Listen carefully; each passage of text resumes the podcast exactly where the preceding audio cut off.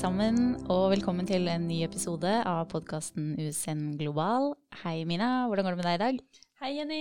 I dag så går det veldig bra, og jeg er veldig spent på dagens tema, for det er noe som mange studenter er veldig interessert i. Ja, og I dag så skal vi snakke om eh, bolig på utveksling. Enten man skal bo på studentbolig eller prøve seg frem i det private markedet, så er det en del ting man bør være obs på, og det skal vi gå litt nærmere inn på i dag. Vi skal også gi noen eh, prakteksempler fra egen erfaring i forhold til hvor galt det kan gå. For der har jo både jeg og Jørgen eh, gått på en smell. Så dersom du er litt nervøs eh, for det, så kan vi anbefale til å høre på den episoden. Vi kan jo begynne med det som er mest vanlig når du er eh, på studentutveksling, og det er å bo i studentbolig. Og dette det varierer litt i forhold til hvor eh, i verden du studerer, men som oftest så har studiestedene muligheter for bolig på eller ved campus. Og den største Eller det er ikke sikkert de er ved campus heller, men de har i hvert fall muligheter for studentbolig. Og den største fordelen med dette er jo da at alt er ordnet for deg når du kommer. Du får en eh, trygg kontrakt, og så er alt som regel inkludert i leien, sånn som strøm og internett. Og så er det i tillegg ofte noen som jobber på disse studentboligene og hjelper deg hvis det skulle være noe.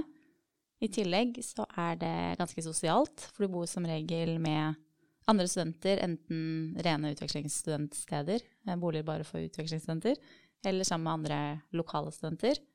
Og så er eh, leilighetene som regel relativt møblert. Dvs. Si at du har en seng der, ofte en madrass og et skrivebord og et sted å ha sakene dine. Men det er jo ikke alltid sånn at man ønsker eller har muligheten til å bo på studentbolig, og må man finne andre alternativer.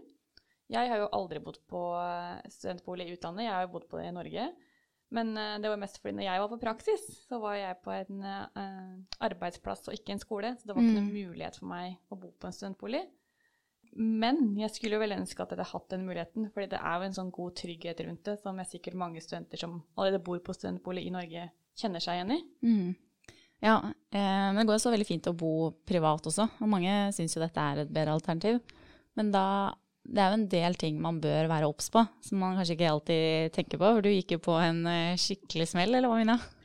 Ja. Eh, når jeg skulle reise på utveksling, jeg skulle til Brussel i Belgia, så så jeg jo etter leiligheter. Og da jeg klarte jeg å vingle meg inn på en sånn fake Airbnb-side. Det var helt prikk lik som en Airbnb, det var speila som Airbnb.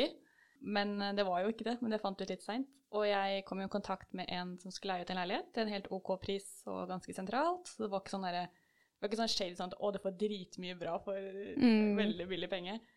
Og jeg snakka med ham på telefonen. Jeg fikk en kompi av passet hans. Alt var liksom sånn i en boks, så skulle jeg bare betale depositum. Og det gjorde jeg jo. Det var jo 20 000 kroner. Mm. Og så uh, hørte jeg ikke noe på en stund, og så sa han at jeg måtte ha en ny uh, avgift for noen sånne greier som jeg aldri hadde hørt om. Og da skjønte jeg at det var litt sånn ugler i mosen. Og så ville han ha en kompi av passet mitt. Og det, det, var jeg liksom ikke interessert i å sende ut, så jeg, så jeg, prøvde å ringe han igjen, og da fikk jeg beskjed om at nummeret ikke var lenger var i bruk. Oi.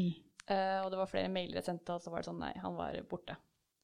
Og da gikk vi til politiet med det, og det, det var jo utrolig proft, og de sa at dette var noe av det beste man hadde sett, så jeg følte meg litt bedre, hadde jeg klart å bli lurt. Men uh, han stakkars uh, som de hadde lagt passet til, da, han var jo en lege i England. Oi. Så han fikk vite dette, dette var jo identitetstyveri. Og da fant vi ut at dette hadde jo skjedd. Man hadde brukt passet hans flere ganger. Oi. Men ingen hadde rapportert det før meg, da. Så heldigvis så gjorde jeg det. For ja. det kunne gått veldig hardt utover han.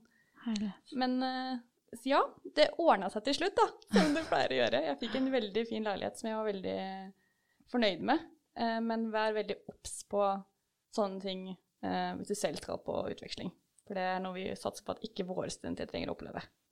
Ja, fy søren. Det Altså det å stå der rett før du skal reise og ikke ha noe sted å bo, det er jo en ganske ja. dårlig følelse.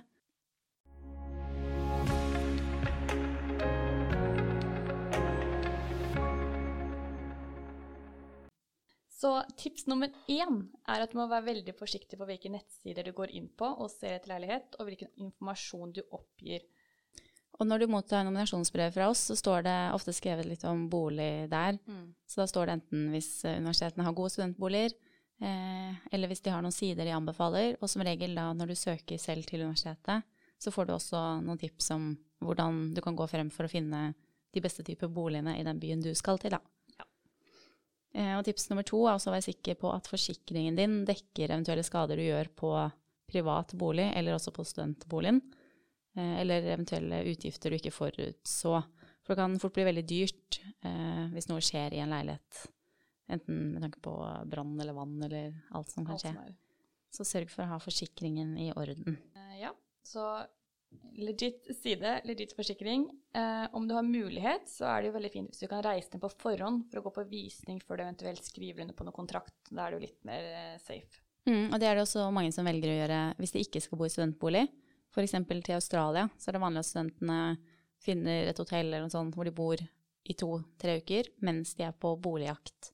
For da kan de jo gå på visninger der og ta kontakt med ulike utleiefirmaer og få sett boligene før man signerer kontrakt.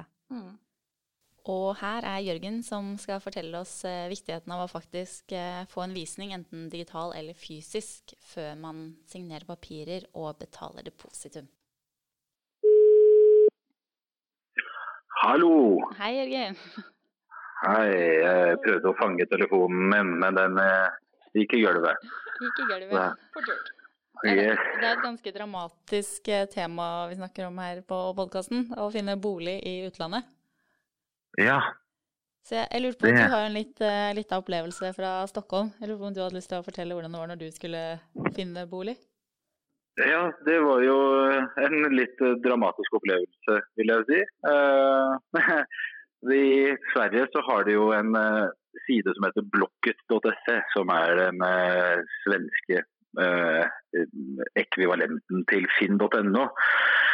Og vi tok jo dette for god fisk og fant en eh, veldig fin leilighet som var vettug priset midt på Søder i Stockholm. Og vi antydde ingen fare og kontaktet utleier. Og det virket som en troverdig kilde. Han pratet svensk nok og hadde svensk e-post og svensk nummer. Så vi tok det for god fisk og overførte depositum to måneder og én måned husleie for den første måneden. Og fikk beskjed om å møte opp utenfor leiligheten klokken fire en fredag. Og når vi kom dit klokken fire en fredag, så var det jo verken noe kar der eller eh, noen nøkler til denne leiligheten. Så da sto jeg og min kjære far der og sparka i grusen og lurte på hva har skjedd nå. Og da gikk det som kaldt vann nedover ryggraden vår, og vi skjønte at her har vi blitt lurt. Og det, selv om det er en troverdig hjemmeside man jobber på, så, er det veldig, så kan man alltid finne en svindler som sitter på andre sida. Ja. Og det kan være ganske greit å ha i bakhodet. Ja, det er et veldig godt tips. Så studenter burde jo egentlig alltid da dra på visning før man betaler noe depositum, da, hvis det er mulig. Hvis jeg skulle blitt uh, enten student igjen eller flytta til utlandet, så skal jeg love deg at jeg hadde dratt på visning før jeg hadde betalt en krone i depositum. Ja. Ja. Mm. For det, det var en ganske stor strek i studentregninga Ja, å tape de pengene. Ja. Mm. Så Mm. dra på visning, Ja. er jeg sikker. Og vi må jo Ja. om eh, det ordna seg. Ja, du, det ordna seg faktisk. Fordi vi gikk jo inn på denne hjemmesiden igjen, på blokket.se, og begynte å lese videre. Og der fant vi en leilighet som skulle leies ut omgående. Og vi ringte da til denne personen som skulle leie ut og sa hei, kan vi komme på visning? Ja. Og, det, og det fikk vi lov til. Og da var det eh, heldigvis en likende kar som var troverdig. Og da var det bare å flytte inn samme dag. Så jeg hadde et sted å bo den natten, og det var jeg veldig glad for. Tusen, tusen takk for praten, Jørgen.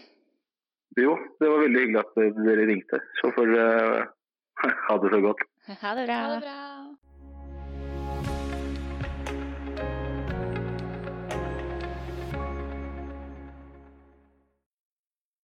Noe du også bør tenke på, er eh, å være litt obs på hva husleien faktisk blir. Eh, For selv om det står at det er så og så mye i måneden, så kan det godt tenkes at det er flere ekstrautgifter som obligatorisk forsikring, strøm. Så sjekk litt hva som er inkludert i den leieprisen det står at du skal betale. da. Mm. Vi har jo snakka litt nå om hvordan jeg har vært på utveksling, hvordan jeg har bodd. Men hva med deg da, Jenny? Hvordan bodde du når du har vært på utveksling? Både òg. Ja. Både i studentbolig og funnet leilighet på egen hånd. Så på egen hånd fant jeg i Spania, og det var gjennom Airbnb, faktisk. Ikke sant? Så jeg leide der i ja, fem måneder, og det fungerte kjempefint. Um, Da var det digital visning, Mm. så det var veldig bra. Mens i Stockholm og i Paris så bodde jeg på studentboliger. Og det er også veldig fint. Og da kunne vi velge mellom hvilket beløp, beløp man var villig til å betale. Så altså, jo høyere beløp du betalte, jo bedre standard fikk du. Oh. Eh, men da ja, betalte jeg i Paris, for da tjente jeg litt cash. Så da betalte jeg for å få med eget bad på rommet. Og det var veldig deilig, for vi var 40 stykker som delte Oi. kjøkken. Så da var det veldig deilig å ikke være 40 stykker som delte bad der òg. Ja, det var liksom luksus. Mm. Men for all del, jeg har delt bad og sånn, og det funker jo kjempefint. Og hvis det er for tre måneder, så det er ofte bedre å spare penger på å bo, og så heller kunne få litt finere opplevelser resten av oppholdet. Ja, det er sant. Du har ikke så mye hjemme. Nei, Nei. bare jeg som begynner å bli gammel og skal ha det digg. Men det viktigste lærdommen å ta fra seg herfra er vel det med private boliger. At du må ja, sjekke opp skikkelig. Og hvis du har en litt dårlig følelse i magen, så ikke sett over det depositumet. Nei. Vær eh, godt forberedt og gjør researchen din, rett Mm. og slett. Mm. Og lurer du på noe, så er det alltids bare å sende en e-post til International at usen.no. Bon voyage!